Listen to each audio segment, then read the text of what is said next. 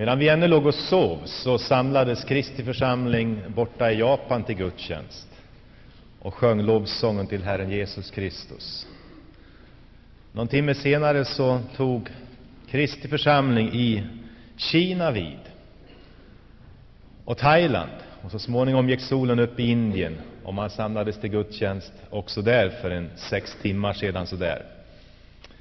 Och så gick det vidare allt eftersom dagen grydde in i Mellanöstern och eh, fram i Medelhavsområdet. Och så har vi nu vaknat till liv också här i Europa och hela den afrikanska kontinenten. Jag kan försäkra er att de naturligtvis har hållit på redan i flera timmar med sin gudstjänst, eftersom de börjar redan i halv nio, nio tiden sådär. Men de är inte färdiga än. Och så kommer vi nu att hålla på en stund till och fira Herrens måltid. Om ett par timmar så tar engelsmännen vid. Och det dröjer inte länge sedan förrän amerikanerna vaknar upp heller och samlas till gudstjänst i sina många kyrkor och hela den sydamerikanska kontinenten. Och när vi går och lägger oss så börjar Kristi församling ute i Stilla havsområdet och de många öarna att stämma upp samma sång, lovsången till Herren Jesus Kristus. Och så när vi sover igen så vaknar ånyo japanerna och står upp för att prisa Gud. Det är måndag då. Men Kristi lärjungar förstår ju att prisa honom varje dag. Och så fortsätter den här globala lovsången dygnet runt, varje timme. Lovsången till Gud den högste upphör aldrig, den pågår ständigt på den här jorden.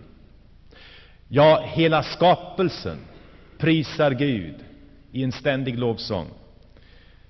Vi tecknade lite grann det förra gången när vi såg i kapitel 4, när Johannes likasom fick en dörr till himlen öppnad för sig och kunde skåda in och se tronen och höra och se vad som ägde rum runt omkring Guds tron.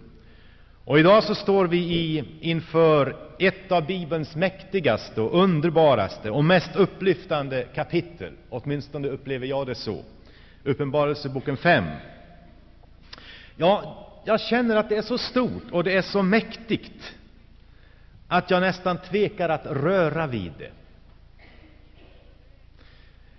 Det är så fullt av förundran och glädje och lovsång och majestät.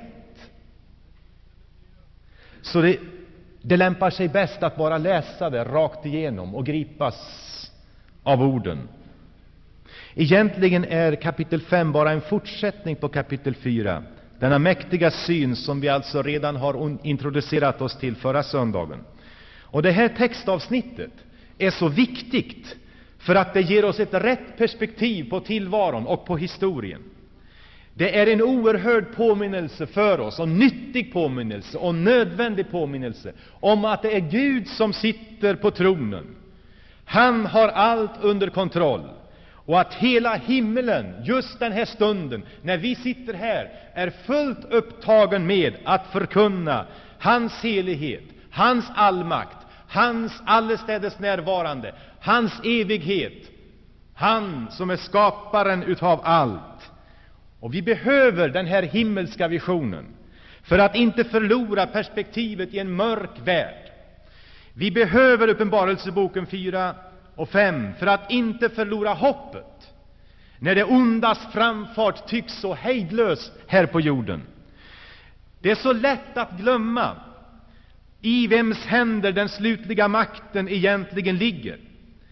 Och därför behöver vi liksom se ständigt honom som sitter på tronen och höra den ständigt pågående lovsången, som inte störs av någonting som händer här i tiden. Till honom, den trefaldigt helige, den allsmäktige, den evige, till Gud, skaparen av allt, han som äger allt och håller allt i sin hand. Och tydligen så vill Gud att vi ska veta om vad som pågår vid hans tron. Känner du bekymmer idag? Känner du svårigheter idag? Känner du krämpor i din kropp? Blir du medveten om din förgänglighet? Så behöver du idag en syn på honom som sitter på tronen. Du behöver få din blick lyftad idag ifrån det rent mänskliga planet. Det var nämligen i Johannes svåraste dagar, där ute på ön Patmos, fångarnas ö, i straffarbete för sin tros skull, som Gud ger honom denna himmelska vision, för att han riktigt ska förstå Johannes, vad du nu upplever är alls inte hela verkligheten. Vi behöver Uppenbarelseboken för att kunna bedja bättre, för att kunna tro bättre, för att kunna lovsjunga bättre. Och i kapitel 4 så såg vi hur Gud prisades för att han är skaparen. I kapitel 5 ska vi nu möta honom som försonaren, som frälsaren, som lammet. Johannes hade kommit i hän, andehänryckning. En dörr hade öppnats till himmelen. Och efter att i kapitel 4 ha varit helt upptagen med att försöka beskriva ljuset och strålglansen och härligheten från honom som sitter på tronen och återge den mäktiga lovsången som riktades till honom, så dras nu Johannes uppmärksamhet till en liten detalj i synen, kan det tyckas, till en bokrulle som vilar i högra handen liksom på honom som sitter på tronen. Och det står i vers 1. Jag såg i högra handen på honom som satt på tronen en bokrulle med skrift på både framsidan och baksidan och förseglad med sju sigill. Skrift både på framsidan och baksidan, det antyder att det var omfångsrikt innehåll.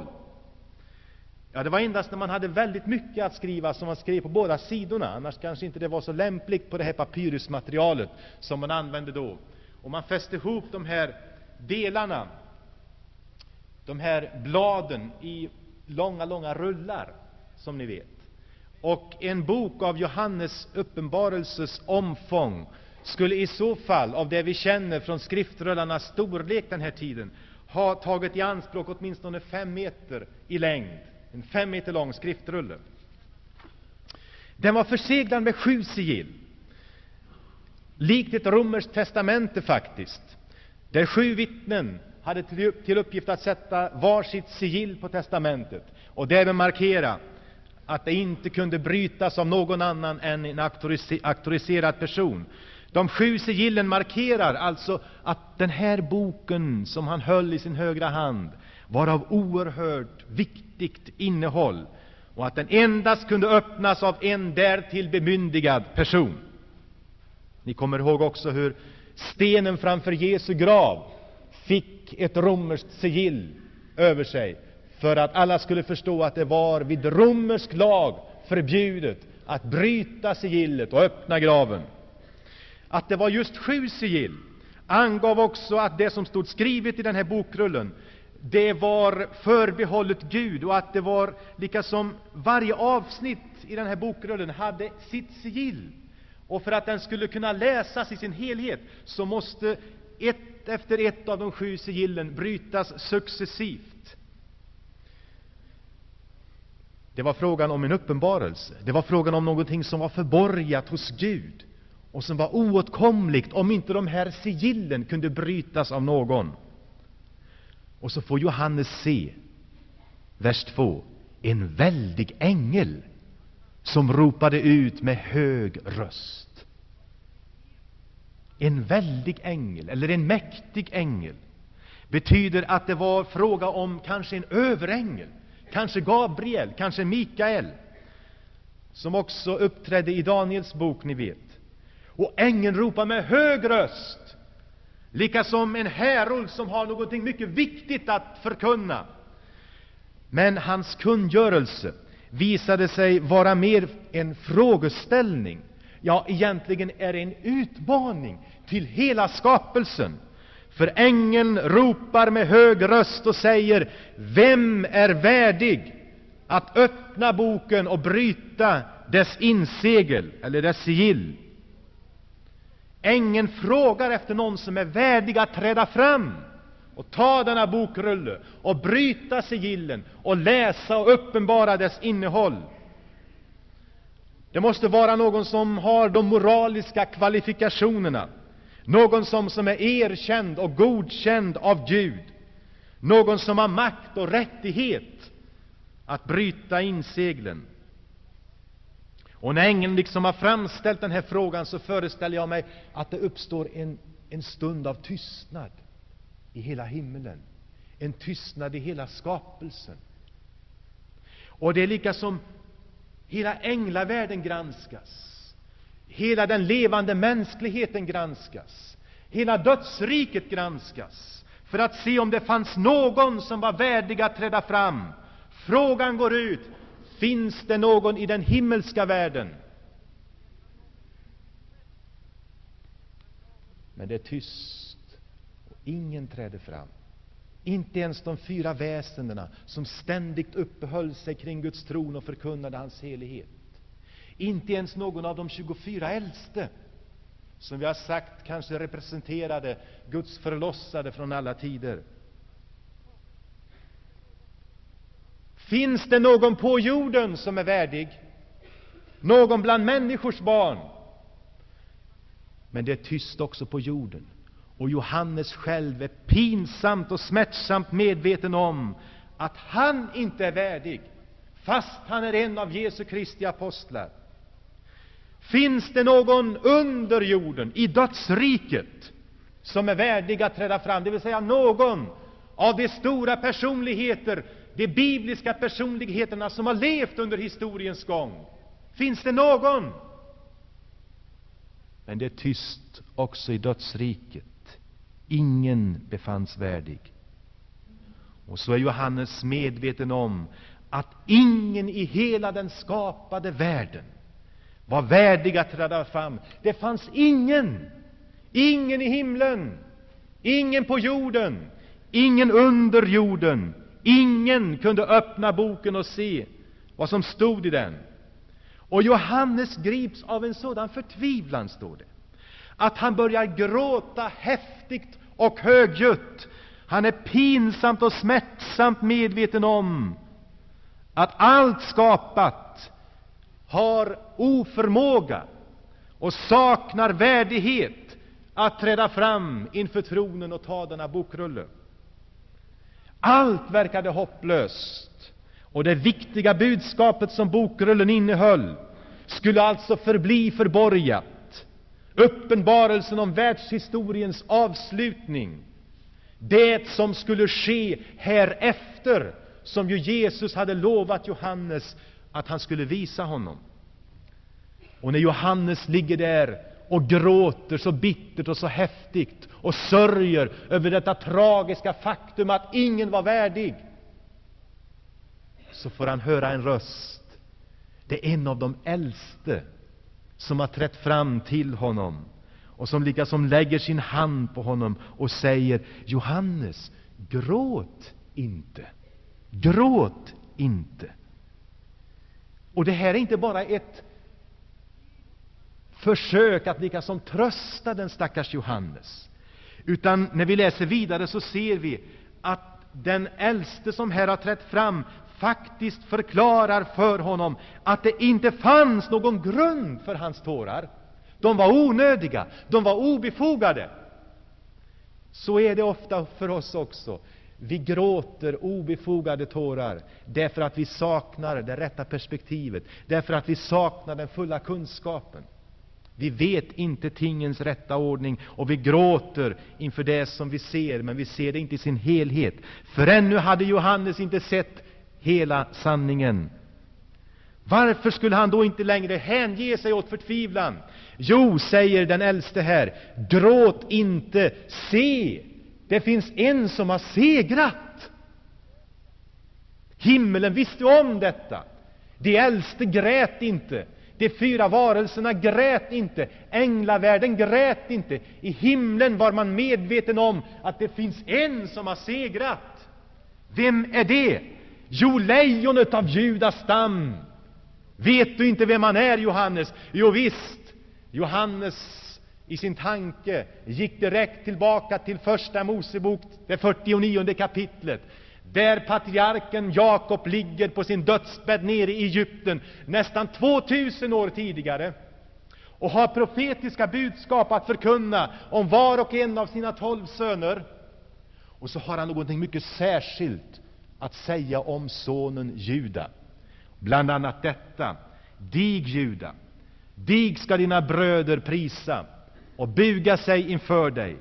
Ty du är som ett ungt lejon, lejonet av Judas stam. Spiran ska inte vika från dina fötter. Det ska komma en av din stam, Juda, som skall upprätta ett evigt rike, och folken ska bli honom hörsamma. Och det var alltså en central, framstående messiansk profetia som Jakob fick ge där på sin dödsbädd, att en gång skall en person födas av Judas stam, som skall vara konung, lejongestalten, en universell konung, en evig konung. Sen kallas han också i den här versen rotskottet från Davids rot. Och Johannes tänker naturligtvis på Jesaja 11, där det står talas om telningen som en gång i tiden skulle bryta fram som ett rotskott ur Isaias avhuggna stam. Också det är en profetia om Jesus Kristus. Och David var ju Israels store konung, den första konungen av Judas stam. Och genom Jesaja profetior så vet vi att den kommande Messias inte bara skulle komma av Judas släkt, av Judas stam, utan också av Davids släkt. Det var därför som Jesus måste födas i Betlehem, som ju var Davids stad i Judas stamområde. Och det var därför som han också hyllades, Hosianna, Davids son, konungen som kommer. Han har vandrat på den här jorden. Han har mött mycket motstånd från människor, hat, förakt från ett fallet människosläkte. Och det var han som till sist tvingades bära korset ända ut till huvudskalleplatsen, där vi spikade fast honom och lät honom dö en brottslings död. Men Johannes hade också sett den tomma graven, och han hade trott och han hade förstått. Och Johannes hade sett hans uppståndelsekropp. Och Johannes hade sett honom ögonblicken innan han togs upp i härligheten och hade hört honom säga mig är given all makt i himmel och på jord. Och nu introduceras han till honom igen. Lejonet av Judas stam har vunnit seger, Johannes. Det finns en som har vunnit seger, och i kraft av denna sin seger har han också makt och myndighet att ta bokrullen, att bryta alla dess sju insegel, öppna den och läsa den. Johannes torkar sina tårar, och han väntar sig nu att kanske få se glimten av lejonet av Judas stam, och han likasom vänder sig om för att skåda honom i den himmelska scenen. Men men istället får han se ett lamm. Ja, det står egentligen ett litet lamm. Och mina vänner, det här är egentligen denna mäktiga syns största höjdpunkt. Mitt för tronen, mitt för de fyra väsendena, mitt för de 24 äldste fick jag se ett lamm ett litet lamm, liksom i centrum av hela den himmelska scenen och i centrum för hela himmelens uppmärksamhet. Där står han, inte som ett stort majestätiskt lejon, men som ett litet lamm. Vilken märklig maktsymbol! Världens länder har förstått annorlunda. Ryssland har sin björn engelsmännen lejonet, och Amerikas förenta stater har den vilda örnen och den rovgiriga örnen på sitt emblem. Men himmelens rike, det mäktigaste av alla riken, det eviga riket, har ett lamm, ett litet lamm. Ja, Gud vare lov! Och när han ser närmare på detta lammet så ser han att det såg ut som hade det varit slaktat. Där finns alltså någonting som klart visar att detta lamm hade genomgått en våldsam död och hade denna död bakom sig. Offerdödens seger är uppenbar till och med i den himmelska scenen. Jag hörde talas om en soldat som hade varit med om ett stort segerrikt slag. Och på årsdagen efter det slaget så skulle man fira den här segern. Men istället för att gå ut på stans pubbar och slå runt så gick den här soldaten upp på sin vind och letade fram den gamla soldatklädnaden, den soldatuniformen, och tog den på sig, full med revor och kanske nästan lite skottsår i ärmarna, skottskador.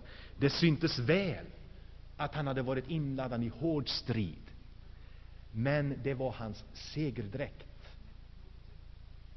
Någonting av detta, mina vänner. Lammet som såg ut som hade det varit slaktat, det är segerdräkten han bär på sig i den himmelska världen. Så att även i det himmelska tillståndet skall vi tydligen kunna se att där finns någonting i Kristi förhärligade kropp som ständigt skall påminna oss om att vi får vara där bara för att han har älskat oss och utgivit sig själv för oss.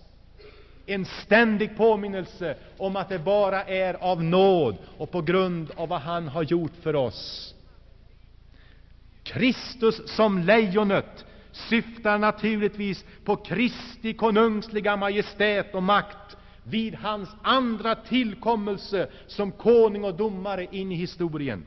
Kristus som lammet syftar på Kristi ödmjukhet, på hans ringhet och hans första tillkommelse som frälsare, som Guds offerlamm. Lejonet och lammet betonar två aspekter i Messiasuppdraget. Lammet har att göra med hans försonargärning, hans prästerliga tjänst. Lejonet med hans tjänst som domare och konung, regeringsuppdraget. Och det är mänskligt sett någonting så oerhört paradoxalt förstås i den här bilden som möter oss. Ett lejon som ser ut som ett lamm, men också ett lamm som bär lejonets kännetecken. För nu framträder ytterligare någonting. Lammet som blev slaktat är samtidigt lejonet som är universums härskare. Så Johannes säger jag fick se detta lamm som såg ut som hade det varit slaktat. Och det hade sju horn och det hade sju ögon, som är Guds ande, som Guds sju andar som är sända ut över jorden. Det här med sju horn förstår vi, om vi har läst Bibeln lite grann, att det är ju den vanliga symbolen för makt, auktoritet och suveränitet. Styrkan alltså. Lammet hade också sju ögon, Guds sju andar, som troligen är en bild på den helige Ande, genom vilken Kristus är allestädes närvarande, ser allt och vet allt. Det slaktade lammet är alltså beklätt med gudomlig allmakt, gudomlig suveränitet och gudomligt allestädes närvarande och allvetande. Och så, mina vänner, så händer det någonting på den himmelska scenen. Det här var först bara en beskrivning av vad som fanns där. Men nu börjar det hända någonting. Vers 7. Lammet gick fram och tog bokrullen ur den högra handen på honom som satt på tronen. Jag hade egentligen Ja, det är helt omöjligt för mig att föreställa mig hur det här går till, hur ett lamm går fram och tar en bokrulle ur någon som sitter på tronen, som egentligen inte går att se. En osynlig, den gudomlige Fadern. Lammet går ändå fram. Detta är möjligt, förstår du, endast i syner, att uppfatta och förstå sådana här sanningar. Och vi får försöka så gott vi kan med den heliga Andes hjälp att åtminstone känna atmosfären i det som nu händer. Lammet går fram och till tronen och tar bokrullen ur handen på honom som sitter på tronen. Och mina vänner, detta är ett oerhört ögonblick. Och jag önskar jag kunde beskriva storheten i ögonblicket just nu. Det är en scen som demonstrerar att Jesus Kristus är den som har den mänskliga historiens avslutning i sina händer.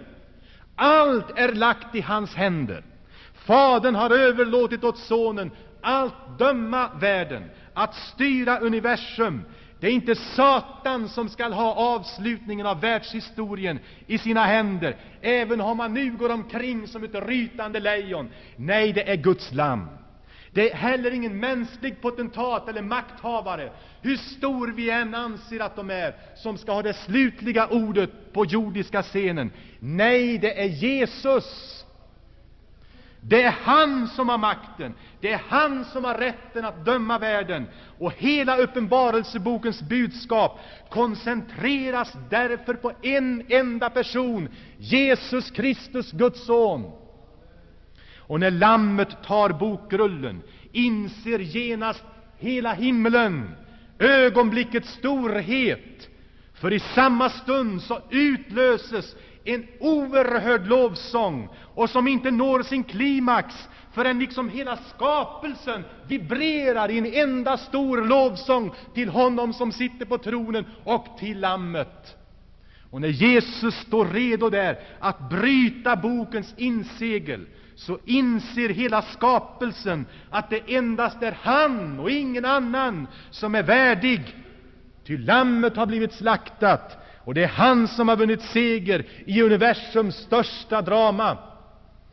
Och när Lammet har tagit bokrullen, så förstår man liksom att nu, nu skall strax ridån dras undan för den sista akten i universums stora drama, och det skall bli uppenbart för en hel värld vem Jesus Kristus är. Och mina vänner, den lovsång som nu bryter fram, den börjar vid Guds tron. Och den når så småningom ut, liksom i svallvågor, till universums yttersta kanter. Den sköljer liksom fram i tre stora vågor. Först börjar den vid tronen, hos dem som befann sig närmast Lammet, de fyra väsendena, de 24 äldste. Sedan går den vidare ut till den hela himmelska härskaran, som ingen kunde räkna. Och till sist så grips hela skapelsen och stämmer in i lovet. Och den ena gruppen efter den andra, liksom funnes det en dirigent som slog in först den här gruppen närmast tronen, sedan himmelens hela härskara och sedan hela universum. Det finns ingen lovsång som denna, mina vänner. Tänk att vi ska stämma in i den en gång. Och vi har sjungit lite grann av den redan här idag. Vilken underbar lovsång! När Lammet tog boken, så är ögonblicket så mättat av helighet, av storhet, av majestät, av makt, att genast de fyra varelserna faller ned, och de tjugofyra äldste faller ned inför Lammet. Var och en hade en harpa i sin hand, och harpan representerar instrumentet som användes vid tillbedjan och lovsång egentligen genom hela Bibeln. Ja, det står i en av psalmerna Tacka Herren på harpa, lovsjung honom på tiosträngat instrument. Så den himmelska lovsången som nu skall börja, den sker alltså både instrumentalt och vokalt med sång. Förutom harpor så hade de också guldskålar, står det, fyllda med rökelse. Och så förklaras det att dessa rökelseskålar symboliserar de heligas böner, och detta tycker jag är så fantastiskt. Den här synen ger en oerhörd dignitet, tyngd och meningsfullhet åt dina och mina böner. För kan du tänka dig, de är med där vid Guds tron. Ända dit når våra böner. Det är hit som våra böner når. Och de förenar sig liksom med den himmelska lovsången till Jesus Kristus. Varenda liten bönesuck som du har uttalat i ditt hjärta finns med där i gyllene skålar framför honom som sitter på tronen och stiger upp som en välluktande rökelse inför Jesus, Guds lamm.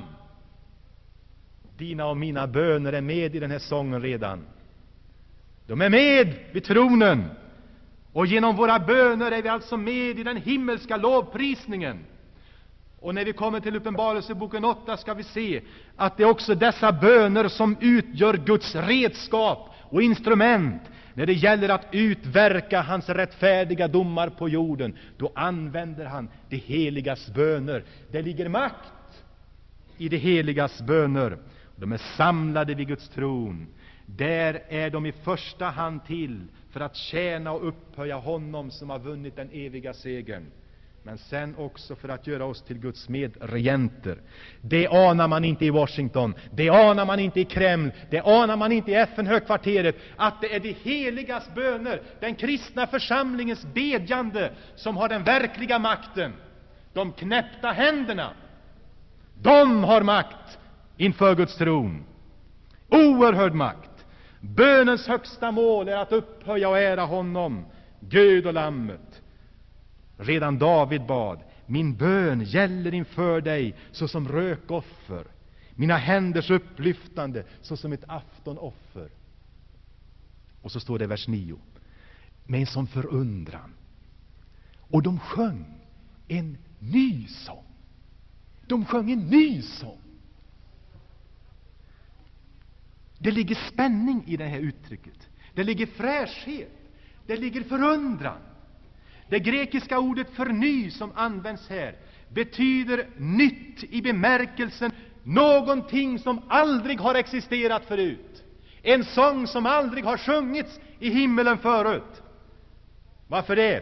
Jo, här följer alltså en sång som tidigare inte hade kunnat sjungas därför att den krävde Jesu försonargärnings fullbordande. Och nu var det hänt. Nu stod han där som lammet som hade varit slaktat. Det var färdigt, det var fullbordat. Han hade sin plats på Faderns högra sida. Därför kunde man sjunga en ny sång i himlen. En sång om Jesu försoning. Det är Jesu triumf på korset och hans besegrande av döden som är orsaken till den nya sången, och den riktar sig till Lammet, försonaren, segraren från Golgata. Det är temat för den himmelska sången. Det är frälsningssången som sjungs. Det är den eviga sången. Det är sången till Jesu ära. På jorden råder många teorier om vem Jesus är. Och gick vi ut på gatorna i Göteborg i eftermiddag och frågade människor, vem anser du att Jesus var? Så skulle vi få många, många olika svar. En del en god människa kanske, en fantastisk lärare, en filosof, en revolutionär, rena bluffen, och så vidare och så vidare. Och till och med teologer, kan du tänka dig, har så skiftande uppfattningar ibland om vem Jesus är och vad han åstadkom genom sitt liv, vad han ville, vad han gjorde på planeten jorden en gång. I rockoperan Jesus Christ Superstar, Jesus Kristus, superstjärnan, så sjunger kören där vid Jesu korsfästelse i slutavsnittet. Jesus Christ, Jesus Christ, who are you? What have you sacrificed? Jesus Kristus, Jesus Kristus, vem är du? Vad har du offrat? På jorden alltså, förvirring, tveksamhet, tvivel på vem Jesus egentligen är, eller på vad han gjorde.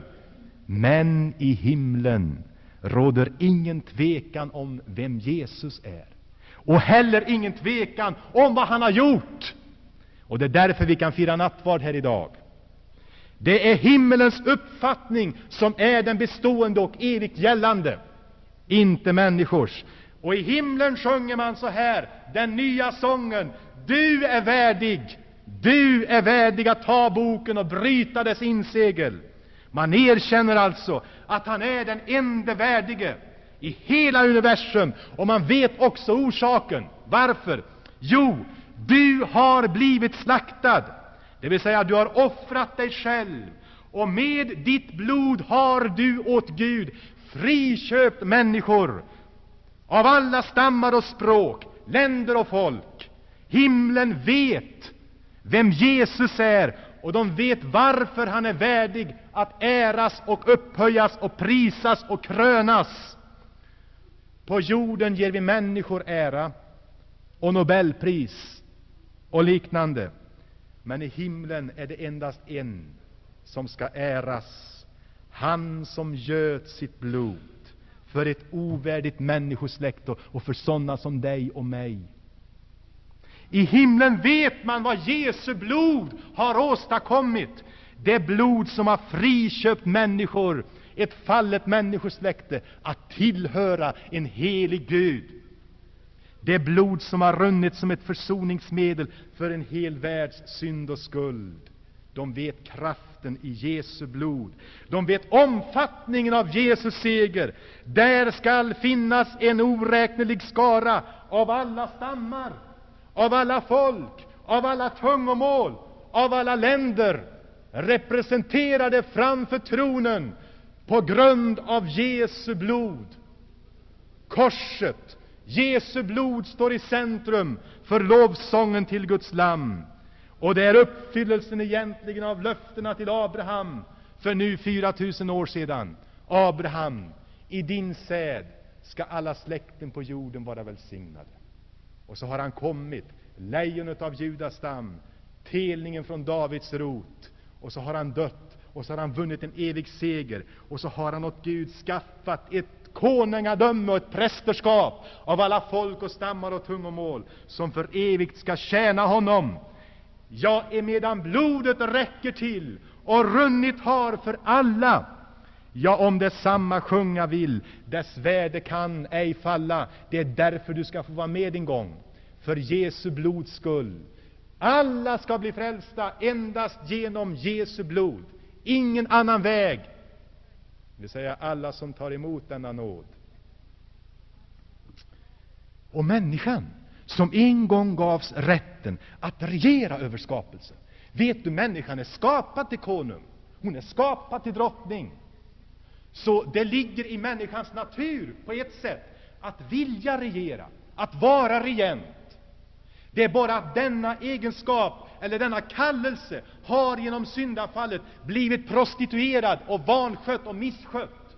Att människan istället för att regera under den evige Guden, regerar som en syndens slav och våldför sig på skapelsen, inklusive människosläktet. Därför har vi tyranner på jorden idag. Därför har vi regeringar som förtrycker. Det är en missbild av vad människan en gång skulle vara. Men lejonet av Judas stam har vunnit seger där vi som människosläkte förlorade. Och genom sin seger över synd och död har han återvunnit rätten åt dig och mig som människor att vara drottningar och konungar. Ja, så står det. Vi skall regera med honom. Du har gjort dem till ett kungadöme åt vår Gud och till präster åt honom, och de ska vara konungar på jorden.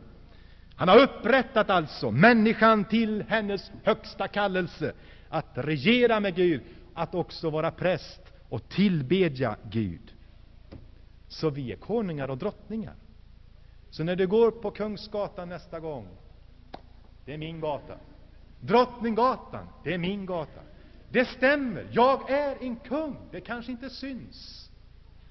Omvärlden har ingen större beundran när de ser oss gå fram genom stans kvarter.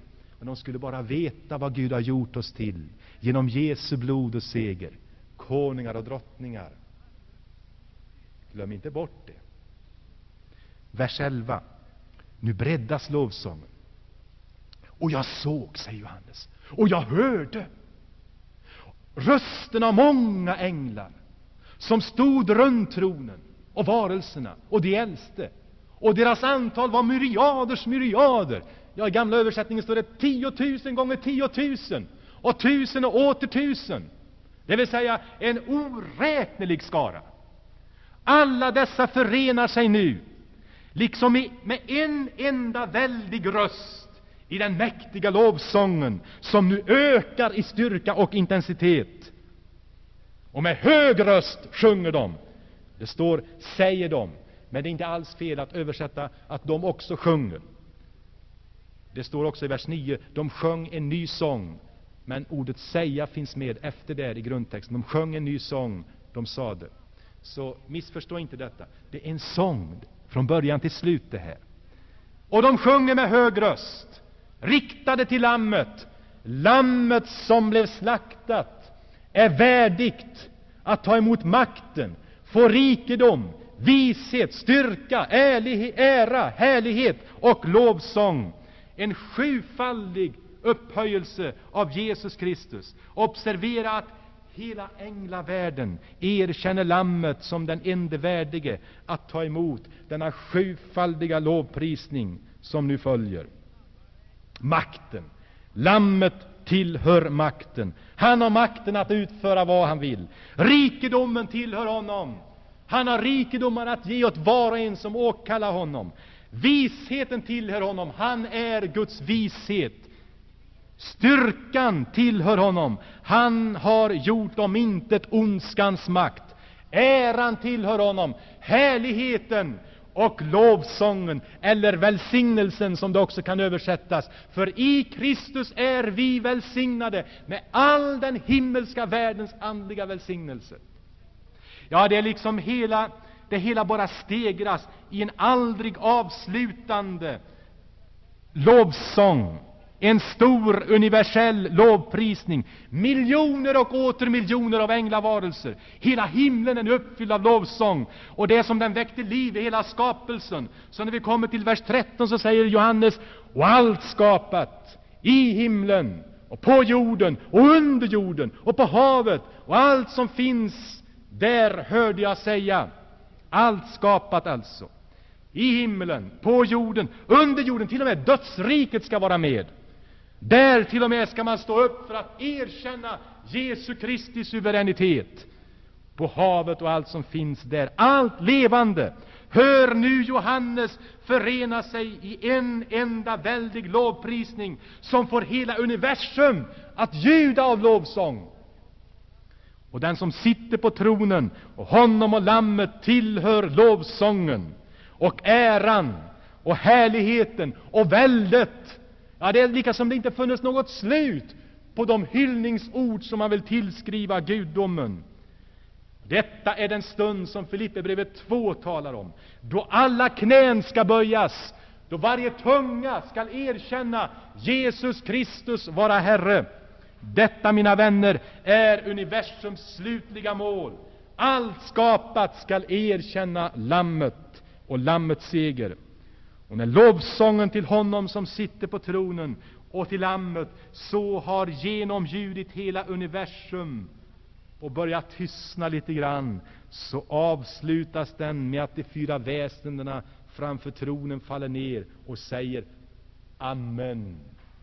De bekräftar därmed det rätta i denna lovsång. De ger sitt bifall till den, och de äldste, står det, faller ner och tillbad. Vilka mäktiga ögonblick, mina vänner, vi har flyktat igenom i det här kapitlet. Har du böjt dina knän för honom som ensam är värd all tillbedjan? Har du tagit emot honom i, dina liv, i ditt liv som ensam är värd din tillbedjan? Han skall en gång träda fram som lejonet av Judas stam. Alla skall träda fram inför honom och tvingas erkänna, Herre, du är den ende du är den ende som är värd allt pris, allt lov, allt ära. Tänk att nu idag kan du få börja denna hyllning. Och vad jag önskade att jag kunde förmedla någonting av den himmelska lovsången, så att du kände ändå något litet djupt i ditt hjärta. Jag älskar också Jesus. Jag tillbeder honom nu, jag älskar honom nu, för vad han har gjort för mig. Och vad underbart att få gå in i nattvardsfirandet nu och riktigt känna att han är med, och det är på grund av hans död för oss som vi har anledning att prisa honom. Jag önskar också att du hade varit med en gång när jag var i Sydkorea för en tio år sedan och vi var församlade över en miljon människor ute på ett flygfält till ett stort möte. 10 000 sångare sjöng. Ja, hela flygfältet stämde in i bland annat Hugsvalaren är här, Hugsvalaren är här. Den helige Ande från Gud är sänd i världen ut. Och jag blundade och jag tänkte, är det så här det ska låta en gång? Är det så här det ska höras en gång, när den himmelska lovsången bryter fram? Nog fick jag en föraning om det, och nog kände jag hur ljuvligt det ska vara att få vara med. Och jag tänkte, oh, att fler finge uppleva detta. Oh, att du finge uppleva detta. Storheten, festen, när vi en gång ska samlas inför tronen. obeskrivbart i mina fattiga människoord. Men idag är det stora i alla fall att jag får säga till dig, han kallar på dig såsom lammet, som frälsaren, som inte vill någonting annat än förlåta dina synder och göra det till en konung och en drottning som för evigt ska lova hans namn. Amen.